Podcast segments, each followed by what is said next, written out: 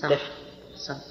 والثانية لا نقضي ما تجانفنا لإثم وقال قد كنا جاهلين فعلى هذا لا قضاء في الصورة الأولى وقاله فيهما الحسن وإسحاق والظاهرية وقاله في الأولى مجاهد وعطاء وبعض الشافعية والله أعلم ولو أكل ناسيا فظن أنه قد أفطر فأكل عمدا فيتوجه أنها مسألة الجاهل بالحكم فيه الخلاف السابق. وقال صاحب الرعاية يصح صومه ويحتمل ضده كذا قال. هذه مسألة تقع. أكل ناسيا فظن أنه فسد صومه فأكل. في في السورة الأولى ليس عليه قضاء بنص الحديث. من نسي وهو صائم فأكل أو شرب فليتم صومه فإنما أطعمه الله وسقاه. لكن أكل ظن أنه أفطر فهل يفسد صومه بالأكل الثاني؟ لا. تأتي مسألة الجهل. الجهل بالحكم والصواب أنه لا لا فطر بالجهل مع الجهل بالحكم. وعلى هذا فلا فطر على على وحكى لنا رجل وحكى لنا أناس صورة شبه هذه. في زمن سبق أن شخصا اشترى عنبا لأهله في رمضان وحمله على رأسه وهو صائم. وجعل يأكل يأكل. فانتهت العناقيد لما وصل إلى الأهل بقي حبة واحدة. فقال إن كاني أفطرت فيما سبق فهذه تكمل الفطر. وإن كان ما أفطرت فهذه من ضارة. فأكلها. فماذا يكون الحكم؟ جاهل. جاهل. نفس الشيء. نفس الشيء. يكون جاهلا. فعلى القول بأن الجهل بالحكم لا يكون به فطر نقول هذا صيام صحيح. لكن قد يقال إن هذا أخطأ من وجه. فرق وهو أنه يجب عليه أن يسأل. فيكون هذا الاجتهاد في غير موضعه. هذا الاجتهاد في في غير موضعه. ولا هو ينطبق على ما ذكره المؤلف رحمه الله. نعم. جلس يأكل طيلة اليوم ولم يسأل. ظنا أنه أنه أفطر. هذا نفس المسألة. إذا كان ما يعني ما جرى على باله إطلاقا أنه يفسد صومه هذا الشيء. سليم. وش عندك؟ ما ذكرت هؤلاء يا شيخ؟ لأنه لأنه يسأل إذا من ذكر لازم تصرف هذا من حمل المسؤولية لمن ما لمن الذكر لازم إنه يسأل إيه صحيح. هذا هذا قد يقال مفرط. بارك الله. لو مثلا الانسان من عادته يصوم الاثنين أو ثلاثة أيام البيض ولكن يعني جاء اليوم اليوم الثالث عشر وأفطر ناسي أن هذا هو اليوم الثالث عشر. فاخبر هل يمسك؟ كيف؟ ناس يوم الثالث عشر. ما هو صايم عنه الثالث عشر. طيب. زين. ولا يعلم إذا كان ما ما, ما علم ما هو بصايم إيه لكن ما علم. يروح عليه هذا ويجي ويجي يوم يوم بعد. يأكل ويشرب ويصوم يوم ثاني. نعم. فصل. من جامع في صوم رمضان بلا عذر لزمه القضاء والكفارة وفاقا ومرادهم ما صرح به غير واحد بذكر, بذكر أصلي في قبل أصلي أنزل أم لا لأنه مظنة الإنزال أو لأنه باطل. ذكر أصلي احترازا من ذكر الخنثى لأن الخنثى لا يعلم أذكر هو أم أنثى. فإن كان رجلا فذكره أصل وإن كان أنثى فذكره غير أصل لأن الذكر غير الأصلي مثل الإصبع. والإصبع لو دخل الإنسان إصبعه في فرج امرأته ما وجب عليه الغسل ولا فسد الصوم. نعم.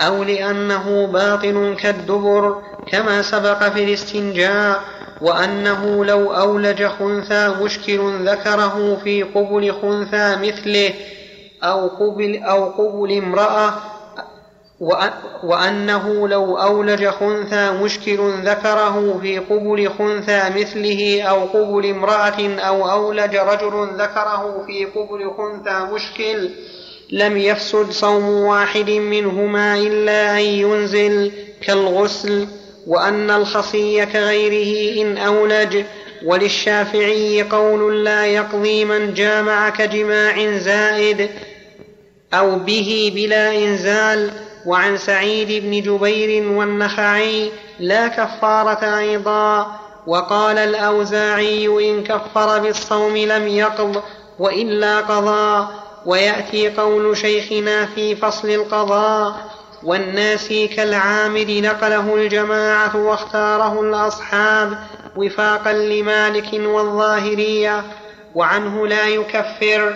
اختاره ابن بطة وفاقا لمالك في إحدى الروايتين وعنه لا يقضي. اختاره الآجري وأبو محمد وأبو محمد بن الجوزي وشيخنا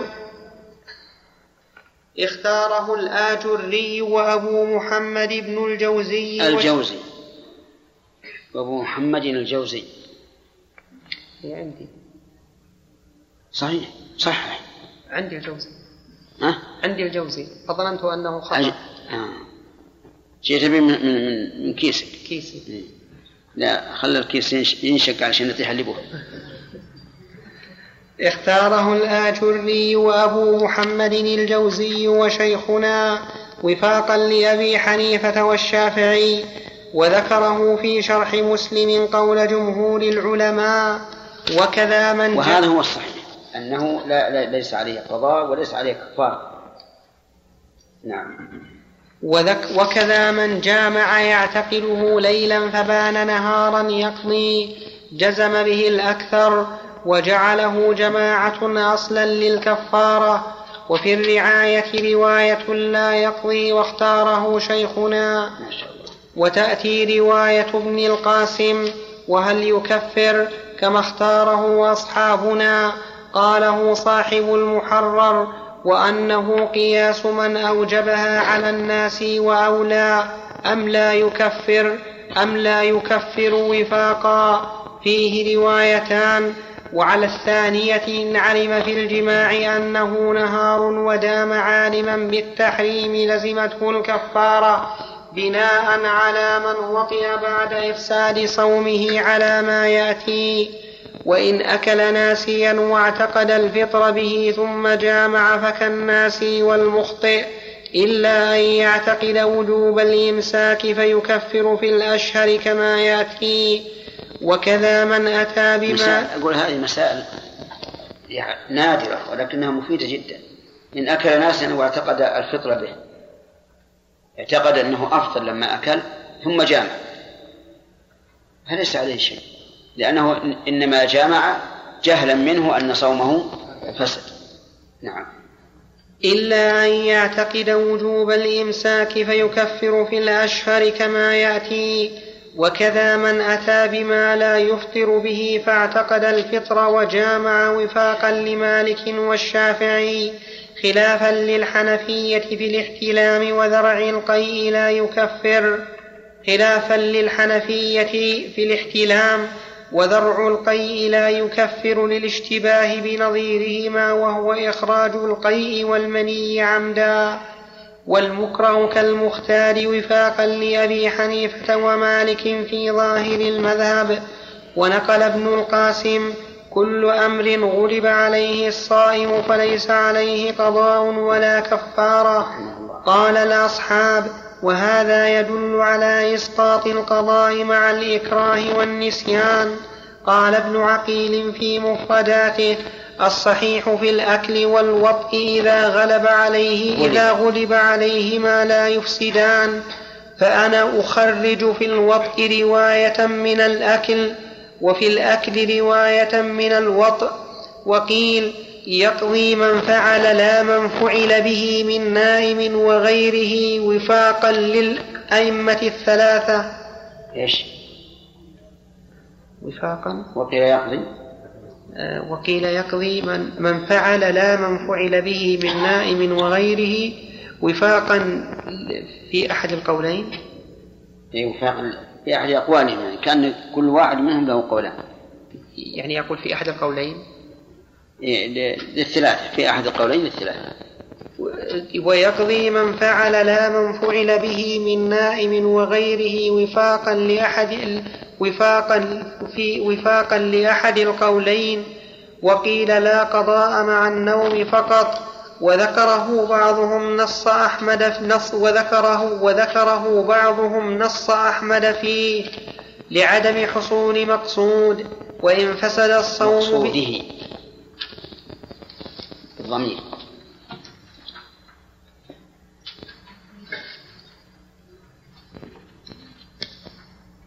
لعدم حصول مقصوده.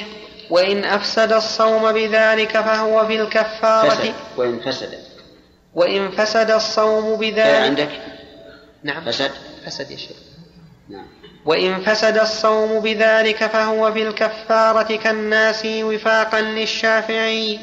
وقيل يرجع بالكفارة على من أكره.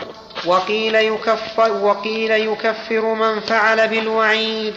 والمرأة المطاوعة يفسد صومها وتكفر وفاقا لأبي حنيفة ومالك في أحد قوليه كالرجل وعنه لا كفارة عليها وفاقا للشافعي لأن الشارع لم يأمرها بها ولفطرها بتغييب بعض الحشفة فقد سبق جماعها المعتبر ومنع هذا صاحب المحرر لأنه ليس لهذا القدر حكم الجوف والباطن ولذلك يجب أو يستحب غسله من حيض وجنابة ونجاسة وعن تلزمه كفارة واحدة عنهما وفاقا للأئمة الثلاثة في أحد القولين.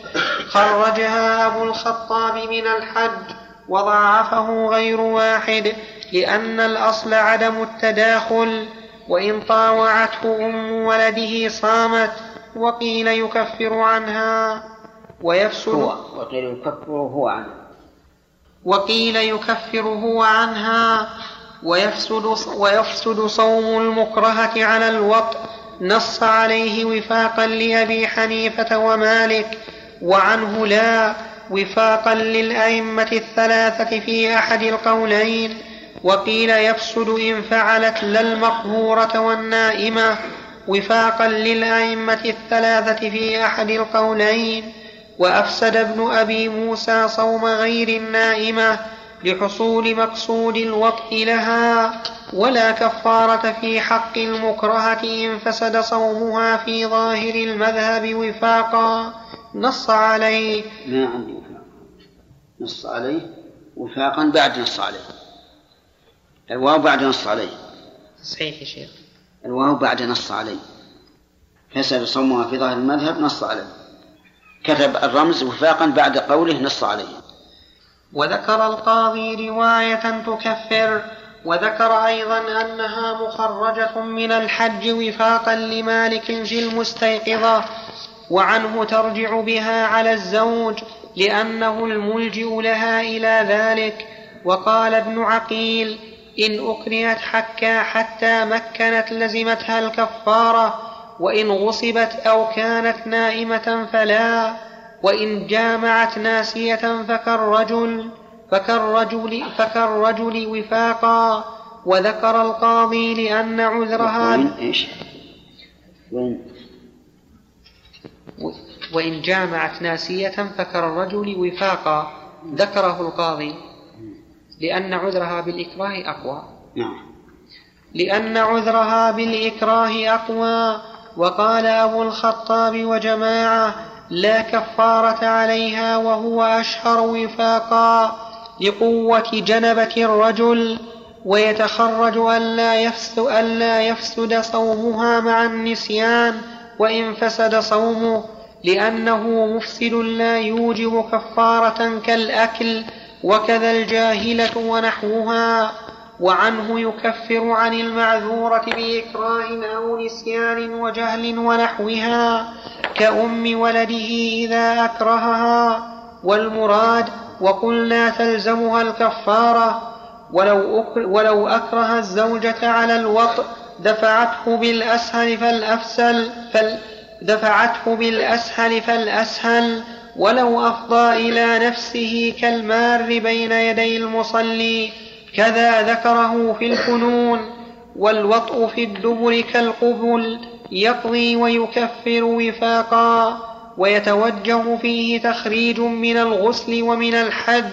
وقد قاس جماعة عليهما لكن يفسد صومه إن أنزل وفاقا وعن أبي حنيفة رواية لا كفارة وإن أولج في بهيمة فكالآدمية نص عليه احتج الأصحاب بوجوب الغسل وسواء وجب الحد كالزنا أو لا كالزوجة والأمة وخرج أبو الخطاب في الكفارة وجهين بناء على الحد وكذا خرجه القاضي رواية بناء على الحد ويأتي قول ابن شهاب لا يجب بمجرد الإيلاج فيه غسل وفاقا لأبي حنيفة ولا فطر وفاقا لأبي حنيفة ولا كفارة وفاقا لأبي حنيفة كذا قال وإن أولج في ميت فكالحي وسبق وجه في الغسل وقيل هنا في آدمي حي أو ميت أو بهيم أو بهيم حي. وقيل أو ميت وبهيم. مهب أو. وبهيم. بالواو حطوا نسخة نعم. في ألف قضية فيها؟ إيه. هذه ما فيها. وقيل هنا في آدمي حي أو ميت وبهيم حي.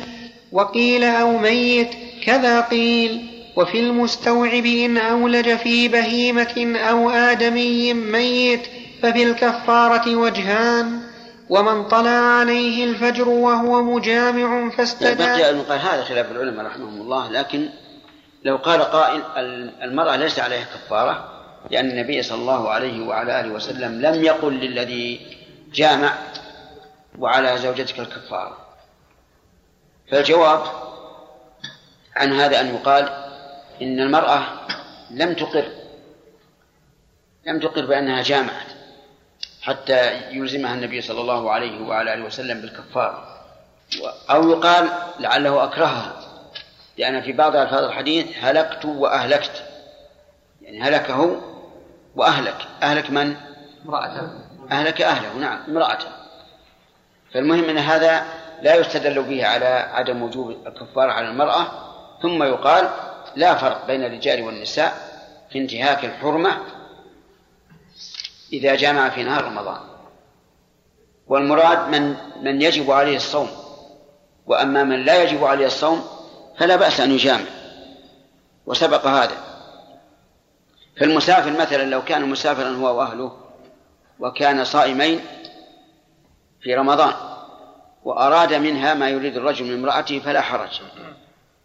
لأن الصوم في هذه الحال ليس بلازم إذ أنه يجوز للمسافر أن يفطر وهذا قد يحتاج الإنسان إليه فيما إذا ذهب إلى العمرة ومعه أهله ثم أراد منهم منها بعد تحلل ما يريد الرجل من امرأته ولو كانوا صائمين فلا حرج. نعم. ومن طلع عليه الفجر وهو مجامع فاستدام فعليه القضاء وفاقا والكفارة خلافا لأبي حنيفة لأنه منع صحة الصوم بجماع أثم فيه لحرمة الصوم كمن وطئ في أثناء النهار ولأنه لو جامع في النهار ناسيا ثم ذكر واستدام قضى وكفر وإنما أفسد صومه بالاستدامة دون الابتداء عند الحنفية ولم يوجبوا عليه كفارة. وأما الحد على مجامع طلق ثلاثا ودام فإنه يجب في وجه ثم الحد عقوبة محضة يسقط بالشبهة بخلاف الكفارة وقاس غير واحد على من استدام الوطأ حال الإحرام وإن نزع في الحال مع أول طلوع الفجر فكذلك عند ابن حامد والقاضي. لأن النزع جماع يلتذ به كالإيلاج بخلاف مجامع حلف لا, لا يجامع فنزع لتعلق اليمين بالمستقبل أول أوقات الإمكان. وقال أبو حفص لا قضاء عليه ولا كفارة وفاقا لأبي حنيفة والشافعي.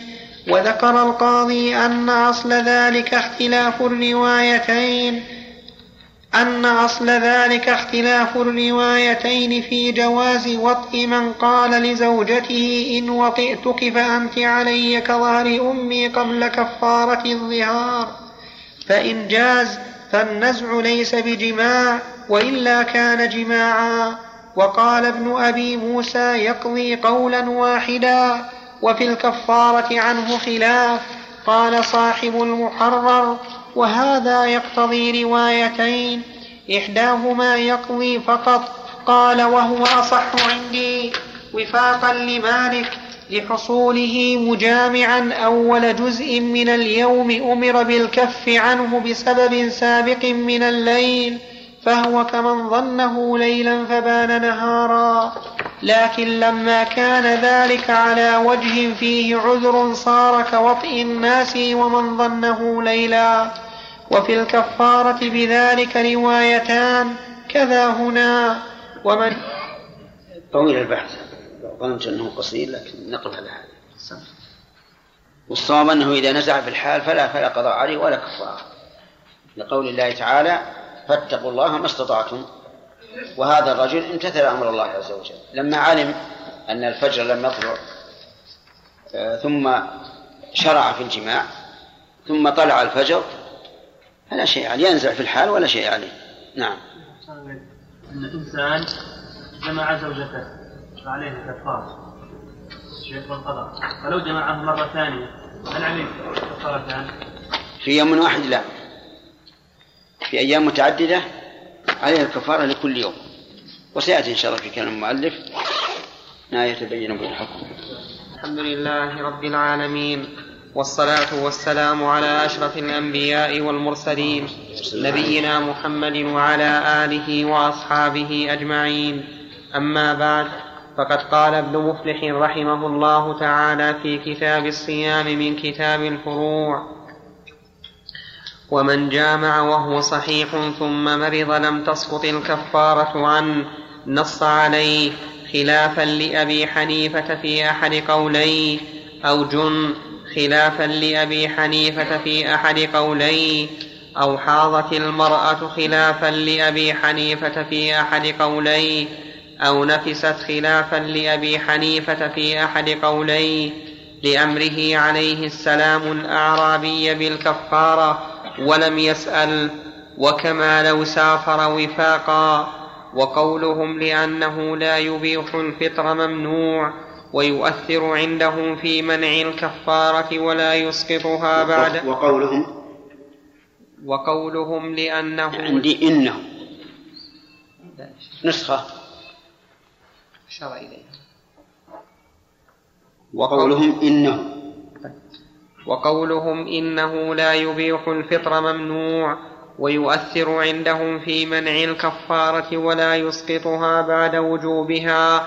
تفرقة بعد بين كونه مقارنا وطارئا ولا يقال تبينا أن الصوم غير مستحق عند الجماع لأن الصادق لو أخبره أنه سيمرض أو يموت لم يجز الفطر والصوم لا تتجزأ صحته بل لزومه كصائم صح أو أقام وفي الانتصار وجه يسقط بحيض ونفاس.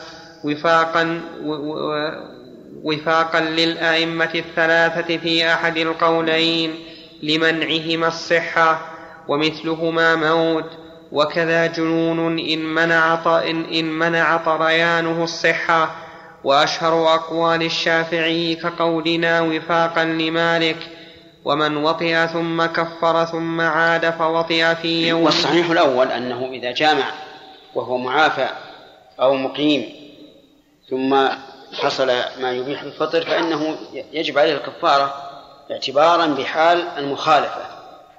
فإنه في حال المخالفة يجب عليه الصوم. نعم. ومن وطئ ثم كفر ثم عاد فوطئ في يومه فعليه كفارة ثانية نص عليه لما سبق في من استدامه وقت طلوع الفجر وكالحج وذكر الحلواني رواية لا كفارة عليه وفاقا وخرجه ابن عقيل من أن الشهر عبادة واحدة وذكره ابن عبد البر إجماعا بما يقتضي دخول أحمد فيه وإن لم يكفر عن الأول فكفارة واحدة. ابن عبد البر رحمه الله من الذين يتساهلون بنقل الإجماع فما فيستغرب أن ينقل الإجماع مع أن مذهب أحمد خلافه لكن لعله لبعده عن مناطق المتبعين للإمام أحمد أو المقلدين للإمام أحمد صار يشهده أحيانا ويحكي الإجماع.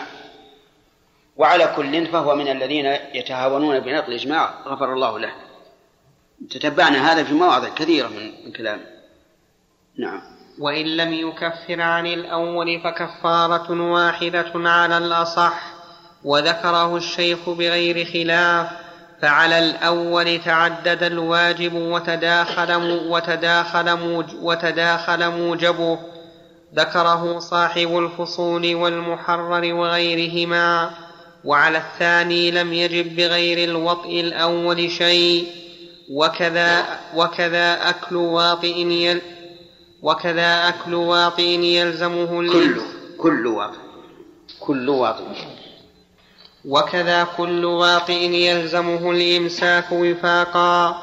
ونص أحمد في مسافر قدم مفطرا ثم جامع لا كفارة عليه.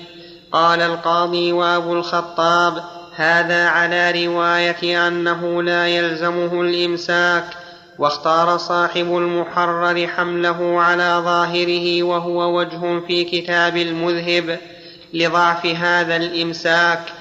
لأنه سنة عند أكثر العلماء وفي تعليق القاضي وجه في من لم ينوي الصوم لا كفارة عليه لأنه لم يلتزمه لأنه لم يلتزم وألزم وألزمه مالك بالكفارة بمجرد ترك نية الصوم عمدا بلا أكل ولا جماع وإن أكل ثم جامع فالخلاف وسبق هل تجب قول الإمام أحمد رحمه الله في من قدم مفطرا ثم جامع إنه لا كفارة عليه تبين أن له مأخذين. المأخذ الأول أنه على رواية أنه لازمه الإمساك فيكون جامعا مفطرا ولا أشكال. والوجه الثاني أنه حتى على القول بالإمساك فالقول بالإمساك ضعيف لأن أكثر العلماء على خلافه فلذلك ضعف القول بإيجاب الكفارة أما المذهب فتلزمه الكفارة في كل يوم يلزمه الإمساك. إذا جامع فإنه تلزمه الكفارة وعرفتم الصواب فيما سبق أن المسافر إذا قدم مفطرا فله أن يبقى على على فطره ولا يلزمه الإمساك. نعم. وسبق هل تجب الكفارة بأكل وإن جامع في يومين؟ شو؟ ف... كيف؟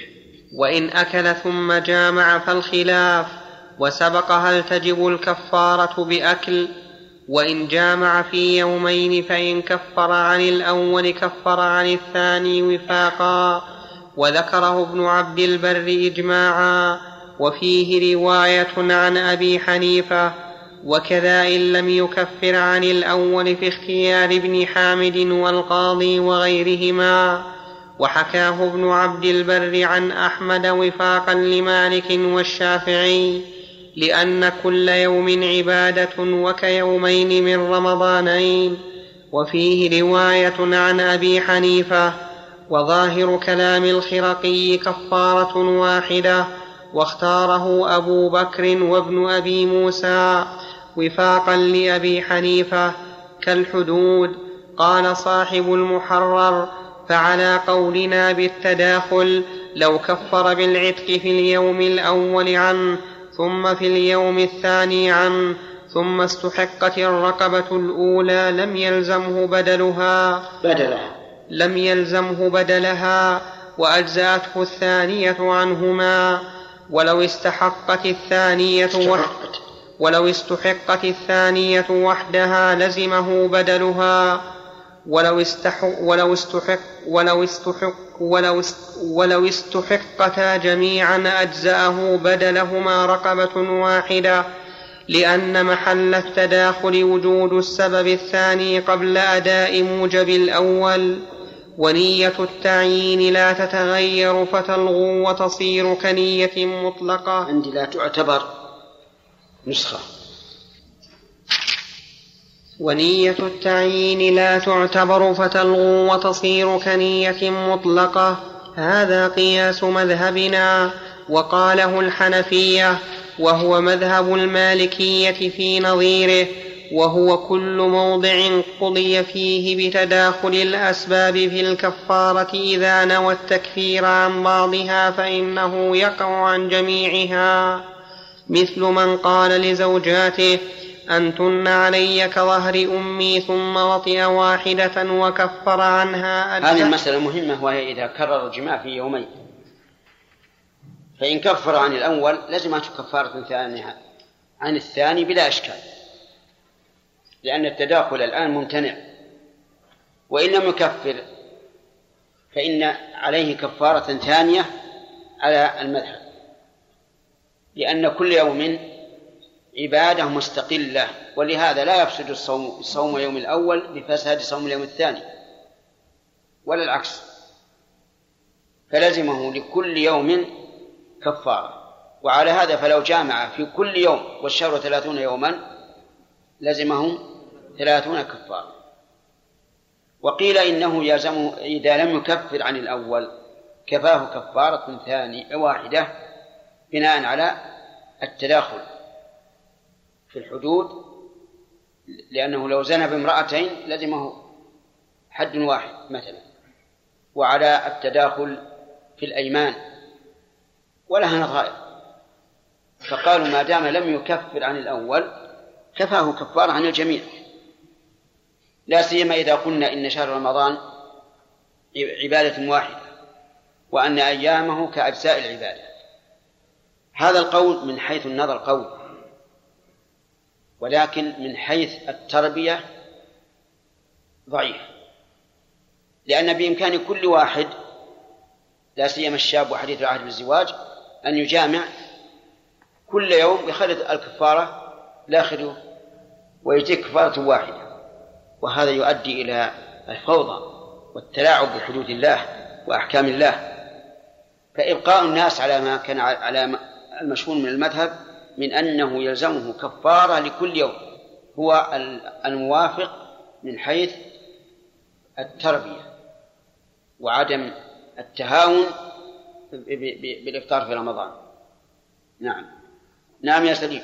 الله عنك إذا قلنا أن أن الأيام تنفصل بعضها عن بعض لو كان الشهر مفتوح نعم. شيخ أن أن حكم اليوم الثاني اليوم الأول اليوم الثاني لحكم والثاني والأول لحكم لأنها لأن لو أن انفصل النية من من الأيام من الأيام من الأيام من اليوم الأول.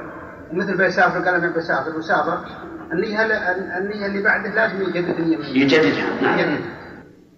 أقول لك النية. إيه أدعى المسألة النية شيء آخر لكن هل يفسد صوم اليوم الأول إذا فسد صوم اليوم الثاني؟ لا. ولا العكس. طيب إذا القياس يا شيخ غير جاي على الأمور الأخرى يعني. ولا العكس كذا يا سليم؟ إيه نعم ولكن الشيخ يعني لو أفطر يوم الثلاث وصام يوم الأربعاء يفسد يوم صام يوم الأربعاء؟ لا ما. طيب لو أنه صام يوم الثلاثاء وأفطر يوم الأربعاء يفسد صوم الثلاثاء؟ لا ما يفسد إذا كل عبادة مستقلة من حيث المحظورات والواجبات أما النية فنظرا إلى أن المسلم إذا دخل رمضان فليس عنده أدنى تردد في أنه سيصوم الشهر كله. فلذلك اتركي بالنية الأولى وعلى كل حال كما قلت لكم من حيث النظر القول بالكفارة الواحدة قول جدا لأنه متمشى على القواعد. لكن من حيث التربية وأننا نريد من عباد الله أن يلتزموا حدود الله لا ينبغي أن نفتي بهذا القول. نعم. مثل من قال لزوجاته أنتن علي كظهر أمي ثم وطئ واحدة وكفر عنها أجزأه عن الكل ونحو ذلك. ووجدت أنا في كلام الحنفية لو أطعم إلا فقيرا لو أطعم إلا فقيرا فوطئ أطعمه فقط عنهما كحد القذف عندهم. وإن جامع دون الفرج فأمنع. وعبارة بعض وعبارة بعضهم فأفطر. وفيها نظر. وإن جامع وإن جامع دون الفرج فأمنع. وعبارة بعضهم فأفطر. وفيها نظر. فعنه يكفر. اختاره الخرقي وأبو بكر وابن أبي موسى والأكثر.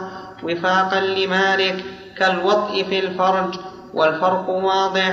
وعنه لا كفارة عليه وفاقا لأبي حنيفة والشافعي. اختاره جماعة. منهم صاحب النصيحة والمغني والمحرر وهي أظهر. وعلى الأول الناسي كالعامل ذكره في التبصرة. ويدل عليه اعتباره ويدل عليه اعتباره بالفرج. وقال صاحب المغني والروضة وغيرهما. عامدا وكذا إذا أنزل المجبوب بالمساحقة وكذا امرأتان إن قلنا يلزم المطاوعة كفارة وإلا فلا كفارة. والقبلة واللمس ونحوهما كالوطء دون الفرج. في رواية اختارها القاضي وفاقا لمالك وفي رواية لا كفارة اختارها الأصحاب وفاقا. ونص أحمد إن قبل فمذا لا يكفر وإن كرر النظر فأمنى فلا كفارة. فلا كفارة خلافا لمالك كما لو لم يكرره يفاقا. وعن بلى كاللمس وأطلق في الهداية وغيرهما الروايتين. وقيل إن أمنى بفكرة أو نظرة واحدة عمدا أفطر وفي الكفارة وجهان وسبق حكم من جامع في يوم في يوم رأى الهلال في ليلته وردت شهادته وجمع وسبق حكم من جامع في يوم رأى الهلال في ليلته وردت شهادته وجماع المسافر والمريض. ويختص وجوب كل حال تعرفون أن الصحيح أنه لا كفارة إلا إلا بالجماع. وعلى كل هذه التفريعات تكون لا داعي لها. نعم. ويختص وجوب الكفارة برمضان وفاقا لأن غيره لا يساويه خلافا لقتادة في قضائه فقط. وفي الرعاية قول يكفر إن أفسد قضاء رمضان وسبق أول الباب هل تختص بالجماع؟ والكفارة على الترتيب والكفارة على الترتيب فيجب عتق رقبة فإن لم يجدها صام شهرين متتابعين. ما عندنا يجدها فإن لم يجد يشطب عليه. لأن اللي عندنا أعم أعم. يعني لم يجدها أو لم يجد ثمنها. نعم. فإن لم يجد صام شهرين متتابعين. فإن لم يستطع أطعم ستين مسكينا مثل كفارة الظهار في ظاهر المذهب وفاقا لأبي حنيفة والشافعي ويأتي فيها إن شاء الله تعالى اعتبار سلامة الرقبة وكونها مؤمنة. ولا يحرم هنا الوطء قبل التكفير ولا في ليالي صوم الكفارة ذكره في الرعاية وأظنه في التلخيص وغيره ككفارة القتل ذكره فيها القاضي وأصحابه وحرمه ابن الحنبلي في كتابه أسباب النزول وحر وحرمه ابن وحرمه ابن الحنبلي في كتابه أسباب النزول عقوبة وعن إنها على التخيير بين العتق والصيام والإطعام فبأيها كفر أجزاءه وفاقا لمالك في إحدى الروايتين لأن في الصحيحين من حديث مالك عن الزهري عن حميد بن عبد الرحمن عن أبي هريرة أن رجلا أفطر في رمضان فأمره النبي صلى الله عليه وسلم أن يكفر بعتق رقبة وفيهما من حديث ابن جريج عن ابن شهاب عن حميد عن أبي هريرة أن النبي صلى الله عليه وسلم أمر رجلا أفطر في رمضان أن يعتق رقبة أو يصوم شهرين متتابعين أو يطعم ستين مسكينا وتابعهما أكثر من عشرة وخالفهم أكثر من ثلاثين فرووه عن الزهري بهذا الإسناد أن إفطار ذلك الرجل كان بجماع وأن النبي صلى الله عليه وسلم قال له هل تجد ما تعتق رقبة؟ قال لا. قال هل تستطيع أن تصوم شهرين متتابعين؟ قال لا. قال هل تجد ما تطعم ستين مسكينا؟ قال لا. ثم جلس فأتي النبي صلى الله عليه وسلم بعرق فيه تمر فقال تصدق بهذا. فقال على أفقر منا. قال اذهب فأطعمه أهلك. وفي أوله هلكت يا رسول الله. قال وما أهلكك؟ قال وقعت على امرأتي في رمضان. متفق عليه. وهو أولى لأنه لفظ النبي صلى الله عليه وسلم ومشتمل على زيادة. ورواه الأكثر وللدار قطني هلكت وأهلكت وضاعف هذه الزيادة البيهقي وصنف الحاكم ثلاثة أجزاء في إبطالها ولأبي داود بإسناد جيد من حديث هشام بن سعد عن الزهري عن أبي سلمة عنه وصم يوما مكانه وقال فأتي بعرق فيه تمر قدر خمسة فأتي. فأتي بعرق فيه تمر قد صحيح أن جريت تمر. سم. فأتي بعرق فأتي بعرق فيه تمر قدر خمسة عشر صاعا وله من حديث عائشة فيه عشرون صاعا وهشام تكلم فيه وروى له مسلم وتابعه عبد الجبار بن عمر في الصوم وهو ضعيف. ورواه ابن ماجه. رواه. بحذف الواو. نسخ رواه ابن ماجه وتابعه أبو أويس عن الزهري عن حميد وفيه كلام. روى ذلك الدار قطني وتابعه إبراهيم بن سعد عن الليث عن الزهري. وبحر بن كثير عن الزهري ذكره البيهقي. وأشار هو وغيره إلى صحة هذه الزيادة والله أعلم. وعن ابن عباس عتق رقبة أو صوم شهر أو إطعام ثلاثين مسكينا. وعن الحسن عتق رقبة أو إهداء بدنة أو إطعام عشرين صاعا أربعين مسكينا. وعن عطاء نحوه ولمالك في الموطأ عن عطاء الخرساني عن ابن المسيب مرسلا نحوه ولم يذكر عدد المساكين وفيه وصم يوما ومذهب مالك هذه الكفارة إطعام فقط كذا قال والإطعام كما يأتي في كفارة الظهار إن شاء الله تعالى. وإن قدر على العتق في الصيام لم يلزمه الانتقال نص عليه ويلزم من قدر قبله ويأتي ما يتعلق بذلك في الظهار إن شاء الله تعالى. وتسقط هذه الكفارة بالعجز في ظاهر المذهب. الصواب ما في الصحيحين في هذه المسألة. أنه أمره أن يطعم ستين مسكينا إذا لم يستطع أن يصوم شهرين متتابعين. وما سواهما فشاذ أو ضعيف فلا يعتد به. نعم. ويأتي ما يتعلق بذلك في الظهار إن شاء الله تعالى. وتسقط هذه الكفارة بالعجز في ظاهر المذهب. نص عليه وفاقا للأئمة الثلاثة في أحد القولين. زاد بعضهم بالمال وقيل والصوم. كذا قال لأنه عليه السلام لم يأمر الأعرابي بها أخيرا. ولم يذكر له بقاءها في ذمته وكصدقة الفطر وعنه لا تسقط وفاقا لأبي حنيفة والشافعي والشافعي لأنه عليه السلام أمر بها الأعرابي لما جاءه العرق بعدما أخبره بعسرته.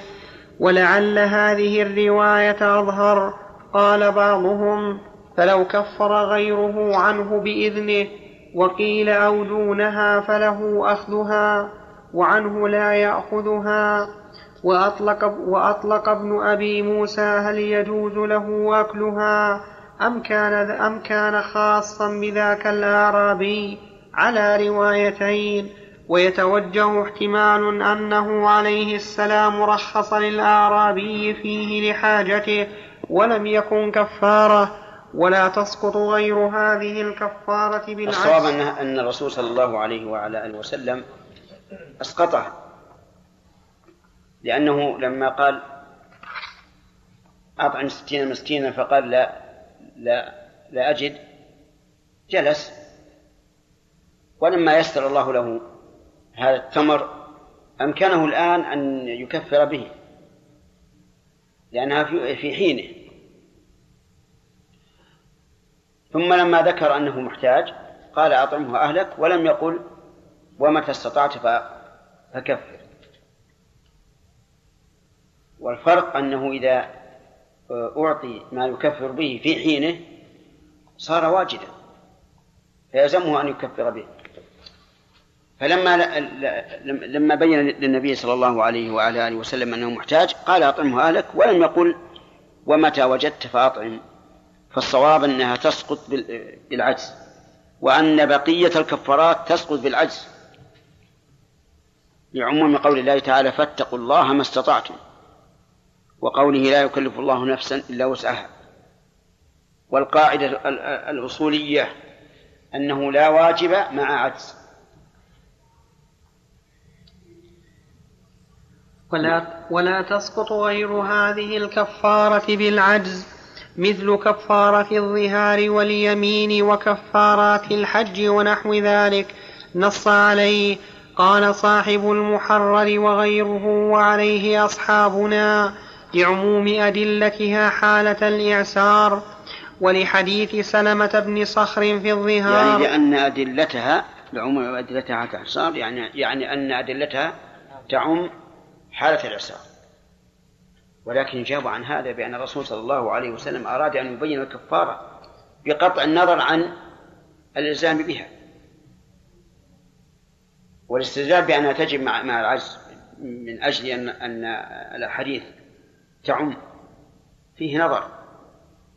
لأن الأحاديث في بيان الكفارة ثم تنزل كل حال على ما يقتضيه صاحبه. نعم يا سليم.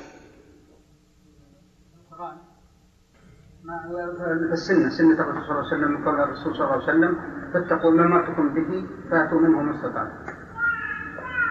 وما وما نهيتكم عنه اجتنبوه هذا مثل ما على ما ذكر الشيخ الاستطاعة مهمة على كلامهم هم يلزمون بالكفارة وإذا إذا أرزقها إذا أرزق إذا إذا أرزقها الله يكفر. ما كما سمعت. نعم. ولحديث سلمة بن صخر في الظهار ولأنه القياس خولف في رمضان للنص كذا قالوا للنص وفيه نظر ولأنها لم تجب بسبب الصوم قال القاضي وغيره وليس الصوم سببا للكفارة وإن لم تجب إلا بالصوم والجماع لأنه لا يجوز اجتماعهما. وعنه تسقط ومذهب الشافعي هي كرمضان إلا جزاء الصيد لأن فيه معنى العقوبة والغرامة وذكر غير واحد. قوله عنه يعني الإمام أحمد. تسقط يعني جميع الكفارات بالعجز. وهذا هو الصواب. فإذا قال قائل أليس, أليس الرجل إذا أعسر بالدين للآدمي يبقى في ذمته ولا يسقط؟ فالجواب بلى لكن هذا حق آدمي. أما الله عز وجل فقد عفى عنه عن حقه. فقال لا يكلف الله نفسا إلا وسعها وقال فاتقوا الله ما استطعتم. فالصواب أن جميع الكفارات تسقط بالعجز وأن جميع الواجبات تسقط بالعجز أيضا إذا لم يكن لها بدل. وبناء على ذلك لو ولد الإنسان ولد وكان فقيرا ولم يعق عنه ثم أغناه الله هل نقول عق عنه في هذا نظر. قد يقال إنه يعق, يعق عنه لأن لأن العق ليس له وقت وقت. وقد يقال لا يعق عنه لأنه وقت سبب مشروعية العقيقة كان غير واجد غير واجد فلا يطالب بها. وهذا أقرب إلى القياس. نعم. وذكر غير واحد أنها تسقط كفارة وطئ الحائض بالعجز على الأصح وعنه بالعجز عن كلها لأنه لا بدل فيها. وقال ابن حامد تسقط مطلقا كرمضان وأكله وأكله الكفارات بتكفير, بتكفير غيره عنه كرمضان وعنه تختص بالوطء في رمضان. اختاره أبو بكر وإن ملكه ما يكفر به يعني معناه لو, لو كفر شخص عنه وهو في حاجة هل يجوز أن يأكل كفارة نفسه؟ هذه المسألة. منهم من قال إنه يجوز لأن النبي صلى الله عليه وسلم أعطى المجامع التمر ليكفر به. فلما بين له حاجته قال أطعمه أهلك. وهذا قد يقال إنه ظاهر النص لكن يعارضه أن الواجب إطعام ستين مسكينا. ولم يستفصل النبي صلى الله عليه وسلم هذا الرجل لم يقل هل أهلك ستون مسكينا فأطعمه. والظاهر أن أهله لا يبلغون ستين مسكينا. فلذلك نقول إن أكل المجامع كفارة جماعة ليس لأنه محل تصرف فيه كفارة إليه ولكن لأنها سقطت عنه بالعجز وهو في حاجة فرخص له النبي صلى الله عليه وعلى آله وسلم في ذلك. نعم. وإن ملكه ما يكفر. وإن. وإن. بالواو نعم. أي وإن. تصحيح. وإن ملكه. وإن ملكه ما يكفر به. وإن ملكه ما يكفر به وقلنا له وإن ملكه وإن ملكه ما يكفر به ما يكفر. وإن ملكه ما يكفر به وقلنا له أخذه هناك فله هنا أكله. وإلا أخرجه عن نفسه. وقيل هل له أكله أو يلزمه التكفير به على روايتين. باب حكم قضاء الصوم وغيره وما يتعلق بذلك. يستحب التتابع في قضاء رمضان وفاقا. قال البخاري قال ابن عباس لا بأس أن, يفر أن يفرق. لقول الله عز وجل فعدة من أيام أخر.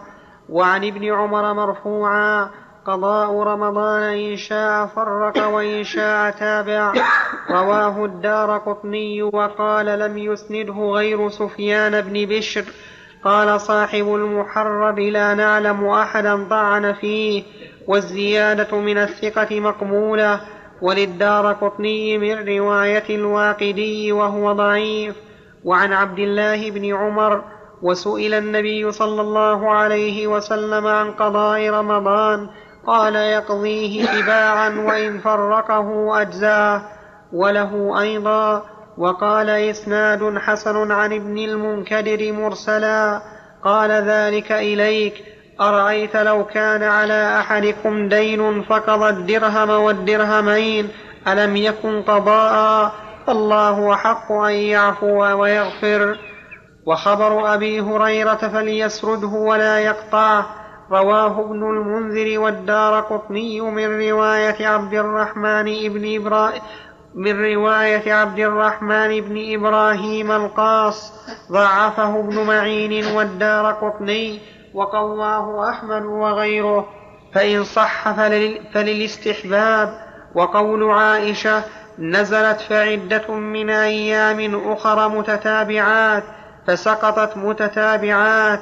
رواه الدار قطني وقال إسناد صحيح يص- يصلح لسقوط الحكم والتلاوة فيحمل عليه ولأنه وقت موسع له كصوم المسافر أداء وإنما لزم التتابع فيه في صوم في صوم في صوم مقيم لا عذر له للفور وتعيين الوقت لا لوجوب التتابع في نفسه فنظيره لو لم يبق من شعبان إلا ما يتسع له وفي التتابع وفي التتابع خروج من الخلاف وهو أنجز لبراءة الذمة وأشبه بالأداء فكان أولى. وذكر القاضي في خلاصة الكلام هذا أنه يستحب التتابع في قضاء رمضان لأنه أبرأ أسرع في إبراء الذمة ولئلا يحدث ما يمنعه من القضاء في المستقبل. و و ولأنه أشبه بالأداء. الأداء يعني رمضان فإنه كان متتابعا. فيكون أقرب إلى المشابهة. ولا شك أن هذا أولى. يعني التتابع في قضاء رمضان ولكنه ليس بواجب. فها هي عائشة أم المؤمنين, أم المؤمنين رضي الله عنها بحضرة النبي صلى الله عليه وسلم لا تقضي إلا في شعبان. تقول كان يكون عليه الصوم فما أستطيع أن أقضيه إلا في شعبان. وإذا جاز تأخير الكل فإذا جاز التأخير تأخير الجميع جاز تأخير البعض. فالصواب أن التتابع في قضاء رمضان أفضل من حين ما يعيد الإنسان يوم الفطر يبدأ في القضاء. أحسن له وأفضل. ولأجل أن يدرك صيام ستة أيام من شوال إن كان عليه دون دون الشهر. نعم. نعم.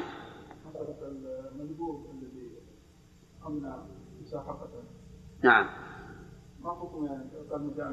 لا لا. هذا ما فيه كفار لأنه ما حصل جماع. ولا تحصل اللذة والشهوة بمثل هذا كما تحصل بالجماع. إيش؟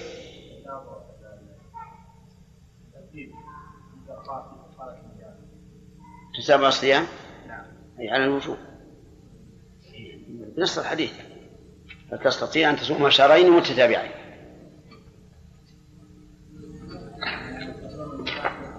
ها؟ وين؟ ما عندي صدر خام. عندي أسفل. ولأنه وقت موسع. موسع له. كصوم المسافر إذن. لا عندنا إذن.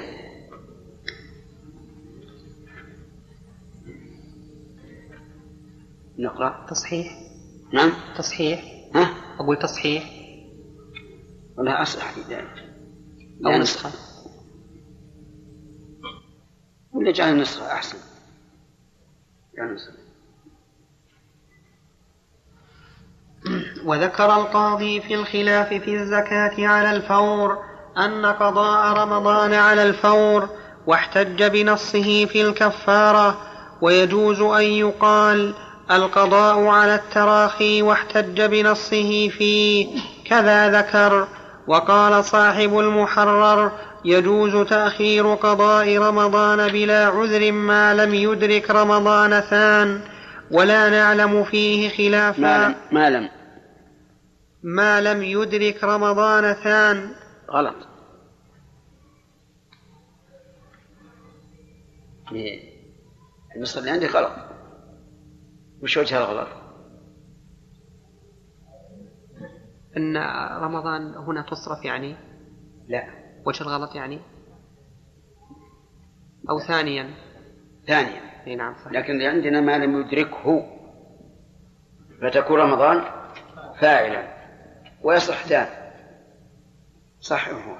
ما لم يدركه رمضان رمضان ثاني. ولا نعلم فيه خلافا. وعند أكثر الشافعية إن أفطر بسبب محرم حرم التأخير قال في التهذيب لهم حتى بعذر السفر. وأوجب داود المبادرة في أول يوم بعد العيد. وهل يجب العزم على فعله؟ يتوجه الخلاف في الصلاة. ولهذا قال ابن عقيل في الفصول في الصلاة لا ينتفي إلا بشرط العزم على الفعل في ثاني الوقت قال وكذا كل عبادة متراخية.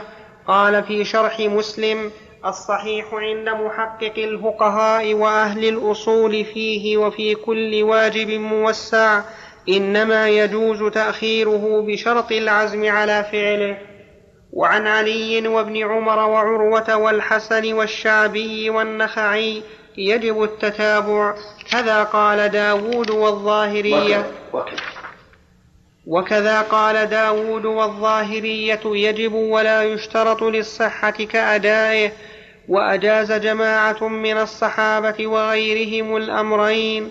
قال الطحاوي لا فضل للتتابع على التفريق لأنه لو أفطر يوما من رمضان لأنه لو أفطر يوما من رمضان يقضيه بيوم ولا يستحب له قضاء شهر.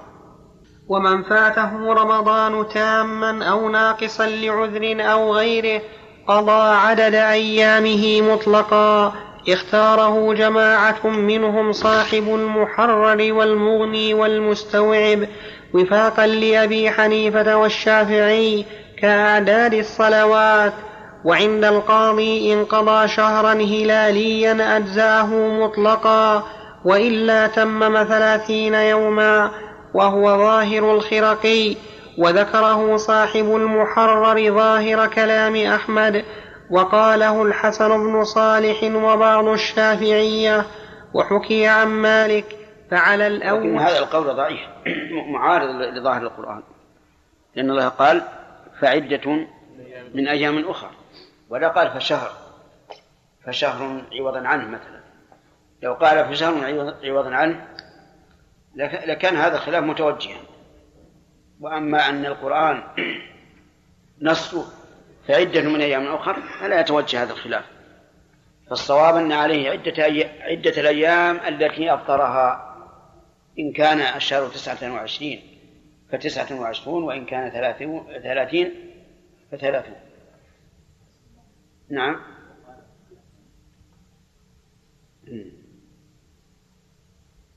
شو؟ إيه اللام ناقصة نعم. وقاله.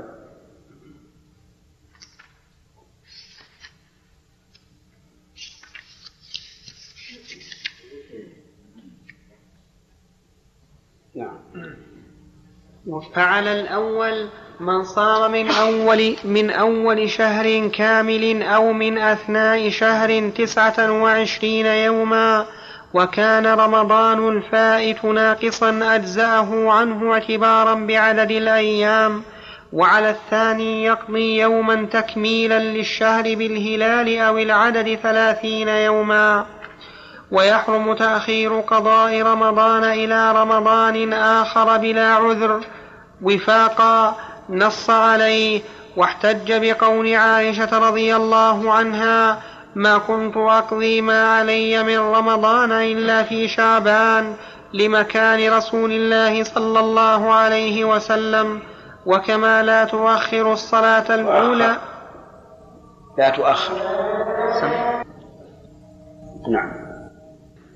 وكما لا تؤخر الصلاة الأولى إلى الثانية فإن فعل أطعم عن كل يوم مسكينا وفاقا لمالك والشافعي رواه سعيد بإسناد جيد عن ابن عباس ورواه الدار قطني عن أبي هريرة وقال إسناد صحيح ورواه مرفوعا بإسناد ضعيف وذكره غيره عن جماعة من الصحابة ولا أحسبه يصح عنهم. ويتوجه احتمال لا يلزمه إطعام وفاقا لأبي حنيفة لظاهر قوله تعالى فعل أبي حنيفة. قف. كل ما جاءك الدليل قف أحسن. سم.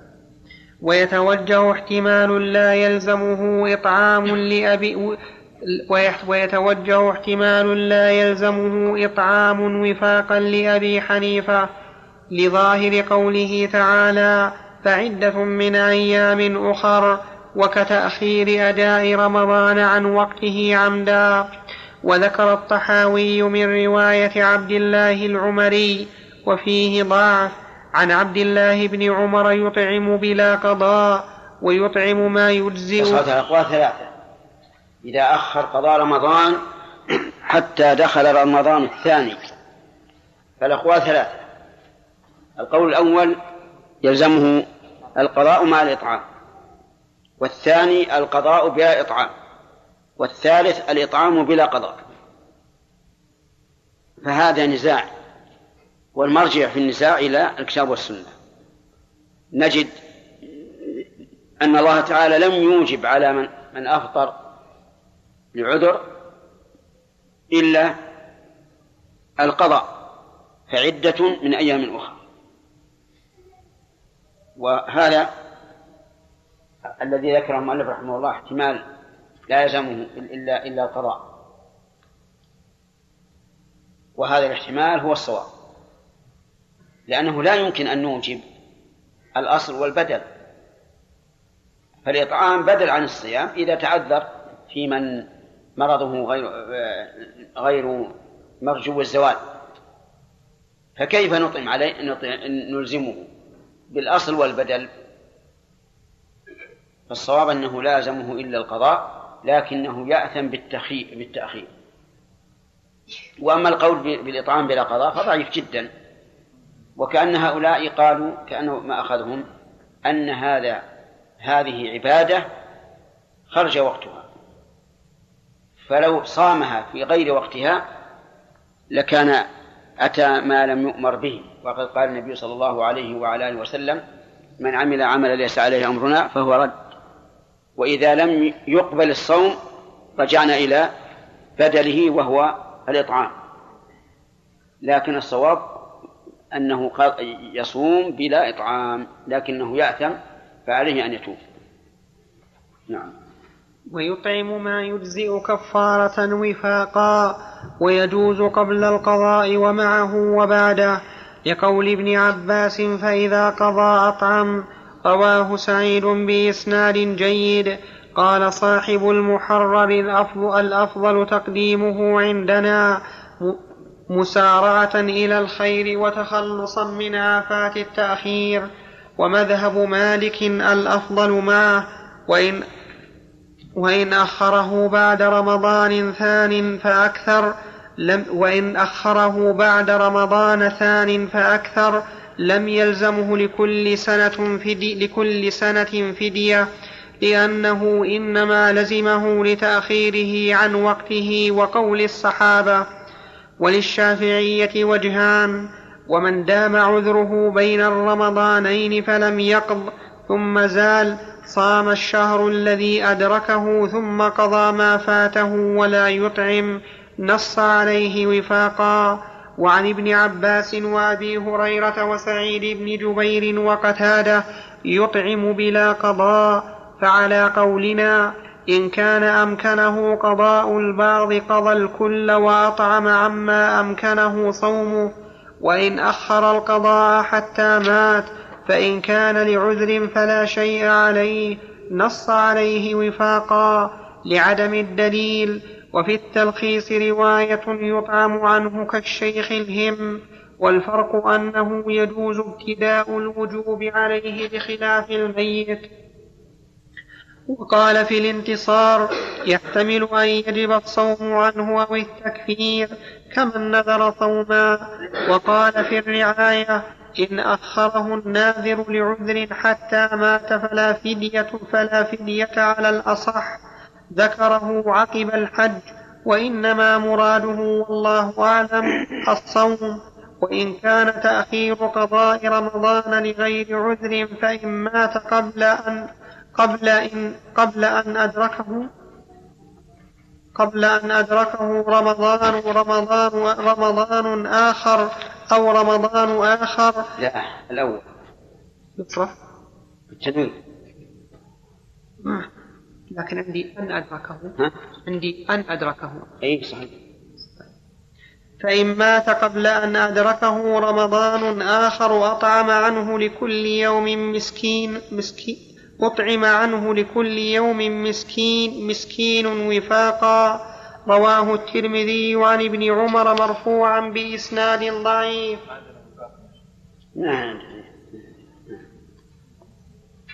هو الظاهر من هذا حديث نعم. وقال الصحيح عن ابن عمر موقوف وسئلت عائشة عن القضاء قالت لا بل يطعم رواه سعيد بإسناد جيد وكذا قال ابن عباس وإنه إن نذر قضى عنه وليه فالراوي أعلم بما روى قال الأصحاب ولأنه لا تدخله النيابة في الحياة. فكذا بعد الموت كالصلاة وقال في الانتصار في مسألة صحة الاستنابة في الحج عند طريان العظب والكبر والكبر على من وجب عليه وإنه إذا حج النائب وقع الحج عن المستنيب وفاقا لمالك والشافعي ومذهب أبي حنيفة يقع الحج تطوعا. ولا يقع عن المستنيب إلا ثواب النفقة. فنحن نقول أقيم فنحن نقول أقيم حج أقيم حج نائبه مقام مقام مقام حج. أقيم حج نائبه مقام حجه. مقام. أقيم حج نائبه مقام حجه. ففعل الغير للحج بدل عن فعله فيما فيما يبذل إلا المؤدي وهو الفاعل وعندهم البدل هو سعيه بماله في تحصيل حج الغير فالبدل عنده متبدل ليس هو فعل الحج وإنما هو بذل المال لتحصيل حج النائب حتى لو تبرع أجنبي وحج عنه بإذنه لم يجز عنه. لأن السعي ببذل المال مفقود فالواجب المؤدى هو المبتذل. واحتج لهم بأن سائر العبادات لا تصح النيابة فيها. وقال فأما سائر العبادات فلنا رواية أن الوارث ينوب عنه في جميعها من الصوم والصلاة ولا يختلف المذهب في نيابة الوارث في الزكاة.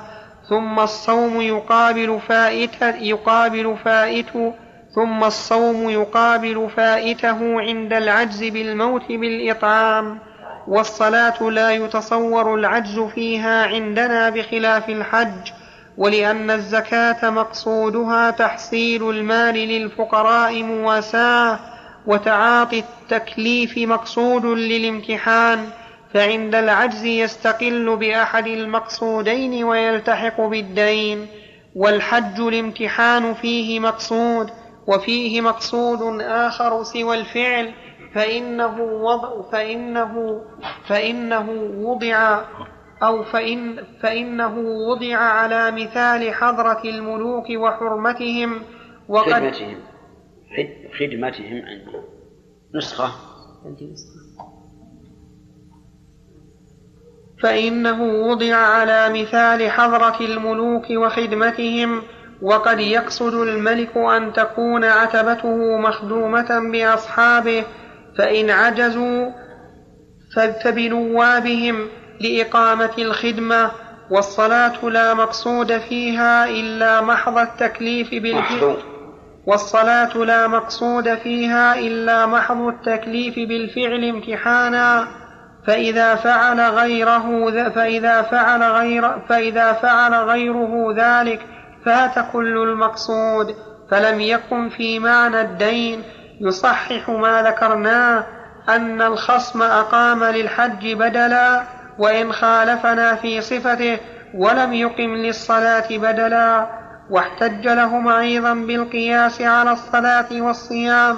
وقال قد تقدم الجواب بالمنع والتسليم ثم هناك لا يلزم أن ينوي عن غيره ولا يؤمر ببذل ثم هناك لا يلزم أن ينوي عن غيره ولا يؤمر ببذل المال لتحصيل الصوم والصلاة ثم ذكر بعدها من بلغ معذوبا تلزمه الاستنابة واحتج للمخالف بالصلاة وأجاب بأن الصلاة لا نسلمها. ونقول يصلى عنه بعد الموت ثم الصلاة لا, لا نسلمها ونقول سم.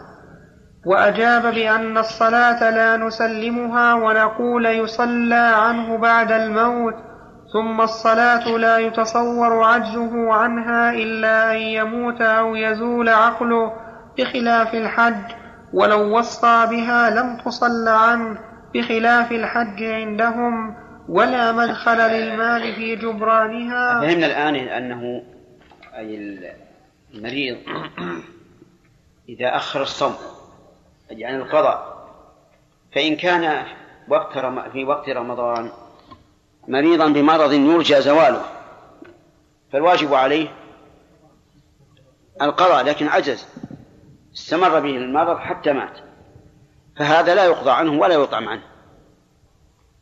لأن الواجب هو القضاء وقد عجز عنه.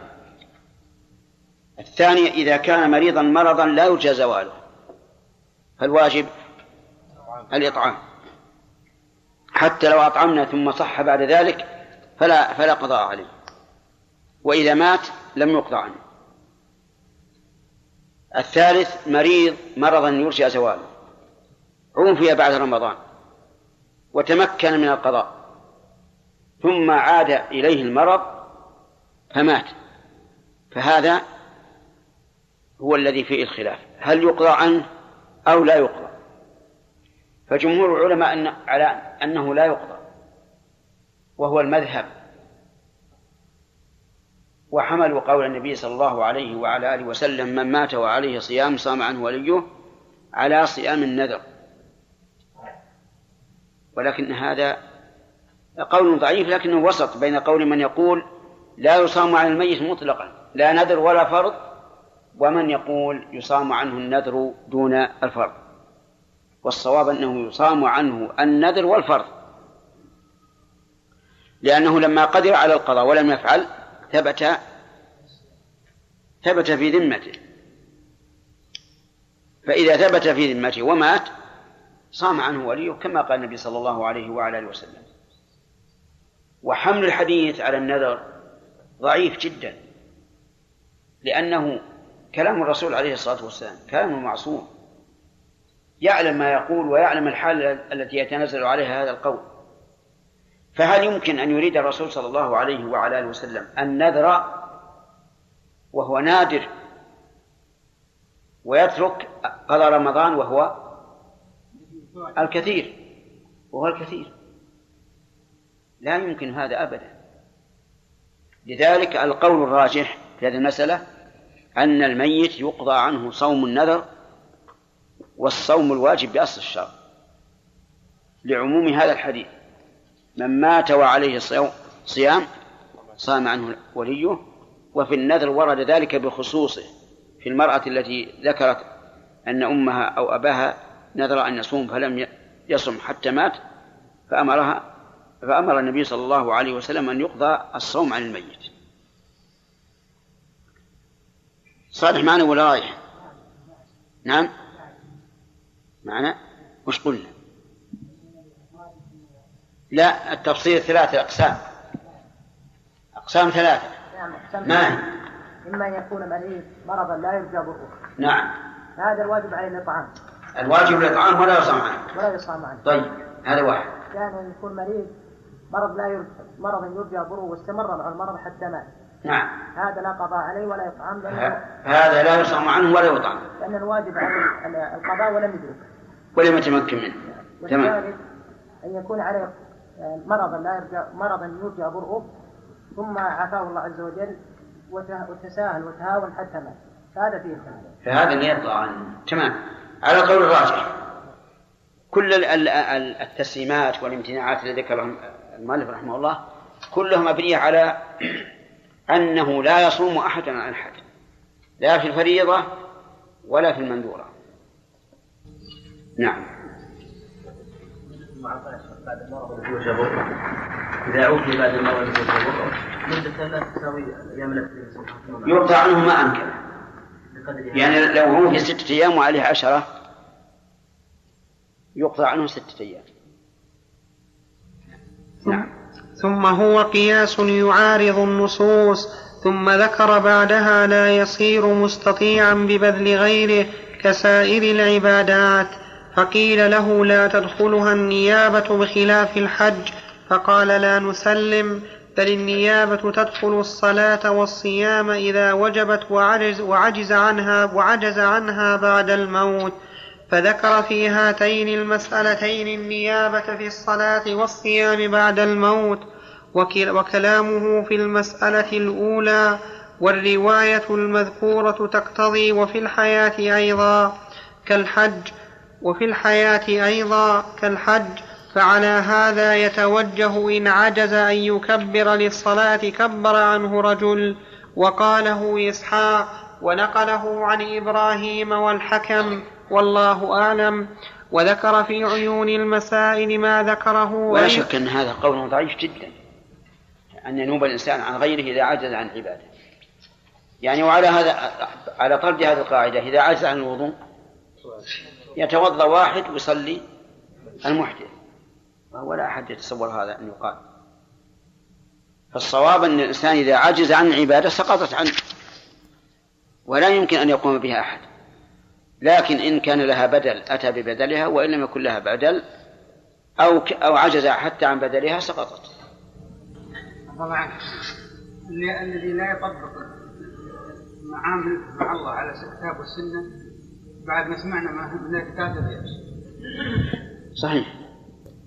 أن العلم الأدلة الأئمة بعض أتباعه أورد عنهم أورد عنهم من الكتاب ناس أدلة الإنسان يكتب بأول واحد منهم لو أنها بالفقه يكتب بأول واحد كان بينهم الخلافات هذه كلها لا تعجب لا تعجب لا تعجب يا شيخ العلم الادله وحنا وحنا عامين وناس انفسنا وهم وهم وهم هذا الله اللهم أرنا الحق حقا وارزقنا اتباعه. نعم. لو رفض ولي ما على شيء ولا تزر وازرة وزر أخرى. نعم. وذكر في عيون المسائل ما ذكره غيره من قياس النيابة في الحج على الزكاة ثم قال ولا يلزم الصلاة والصيام فإنا إن قلنا تدخل ولا يلزم. الصلاة بالرفع أحسن.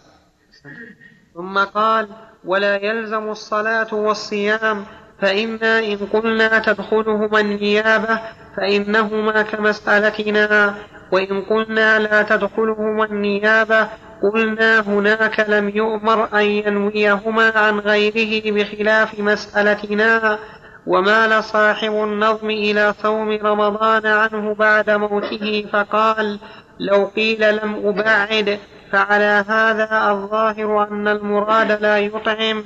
كقول طاووس كقول طاووس وقتادة ورواية عن الحسن والزهري والشافعي في القديم وأبو ثور وأبي ثور وداود لقوله عليه السلام من مات وعليه صيام صام عنه وليه متفق عليه من حديث عائشة ومعناه من حديث ابن عباس وقد يتوجه احتمال أن المراد التخيير وقال في شرح مسلم من يقوم من يقول بالصيام يجوز عنده الإطعام وقد قال شيخنا إن تبرع بصومه إذا هذه المسألة إذا قال الولي أنا لن أصوم فماذا نصنع؟ نأتي إلى بدل الصيام وهو الإطعام. إذا كان في تركته شيء فإن لم يكن فإن تبرع أحد بالإطعام عنه. كفى وإلا سقط. نعم. وقد قال شيخنا إن تبرع بصومه عمن لا يطيقه لكبر ونحوه أو عن ميت وهما معسران يتوجه جوازه لأنه أقرب إلى المماثلة من المال وكذا عن الأوزاعي والثوري رواية يصومه عن الميت إذا لم يجد ما يطعم عنه. وكذا ذكر القاضي في صوم النذر نحو قول شيخنا فذكر ما ذكره الأصحاب أن صوم النذر لا يفعل عن عاجز في حياته بل يطعم. ثم جعل هذا حجة للمخالف في عدم فعله بعد الموت. قال والجواب أنه لا يمتنع أن نقول يصح الصوم عنه كما نقول في الحج إذا عجز عنه في حال الحياة يحج عنه وحكى القاضي وحكى القاضي عن داود لا يصام عنه ولا يطعم خلاف ما سبق عنه. وذكر القاضي عياض والشافعية الإجماع أنه لا يصام عن أحد في حياته والله أعلم. وهذا هو الصواب أنه لا يصام حتى اختيار شيخ الإسلام رحمه الله في هذا ضعيف. أنه إذا تبرع بالصيام عمن لا عمن لا يطيقه يجزي. ضعيف ضعيف جدا. فيقال من لا يطيقه إن كان عجزه مستمرا فعليه الإطعام وإلا انتظر حتى يعافيه الله. نعم.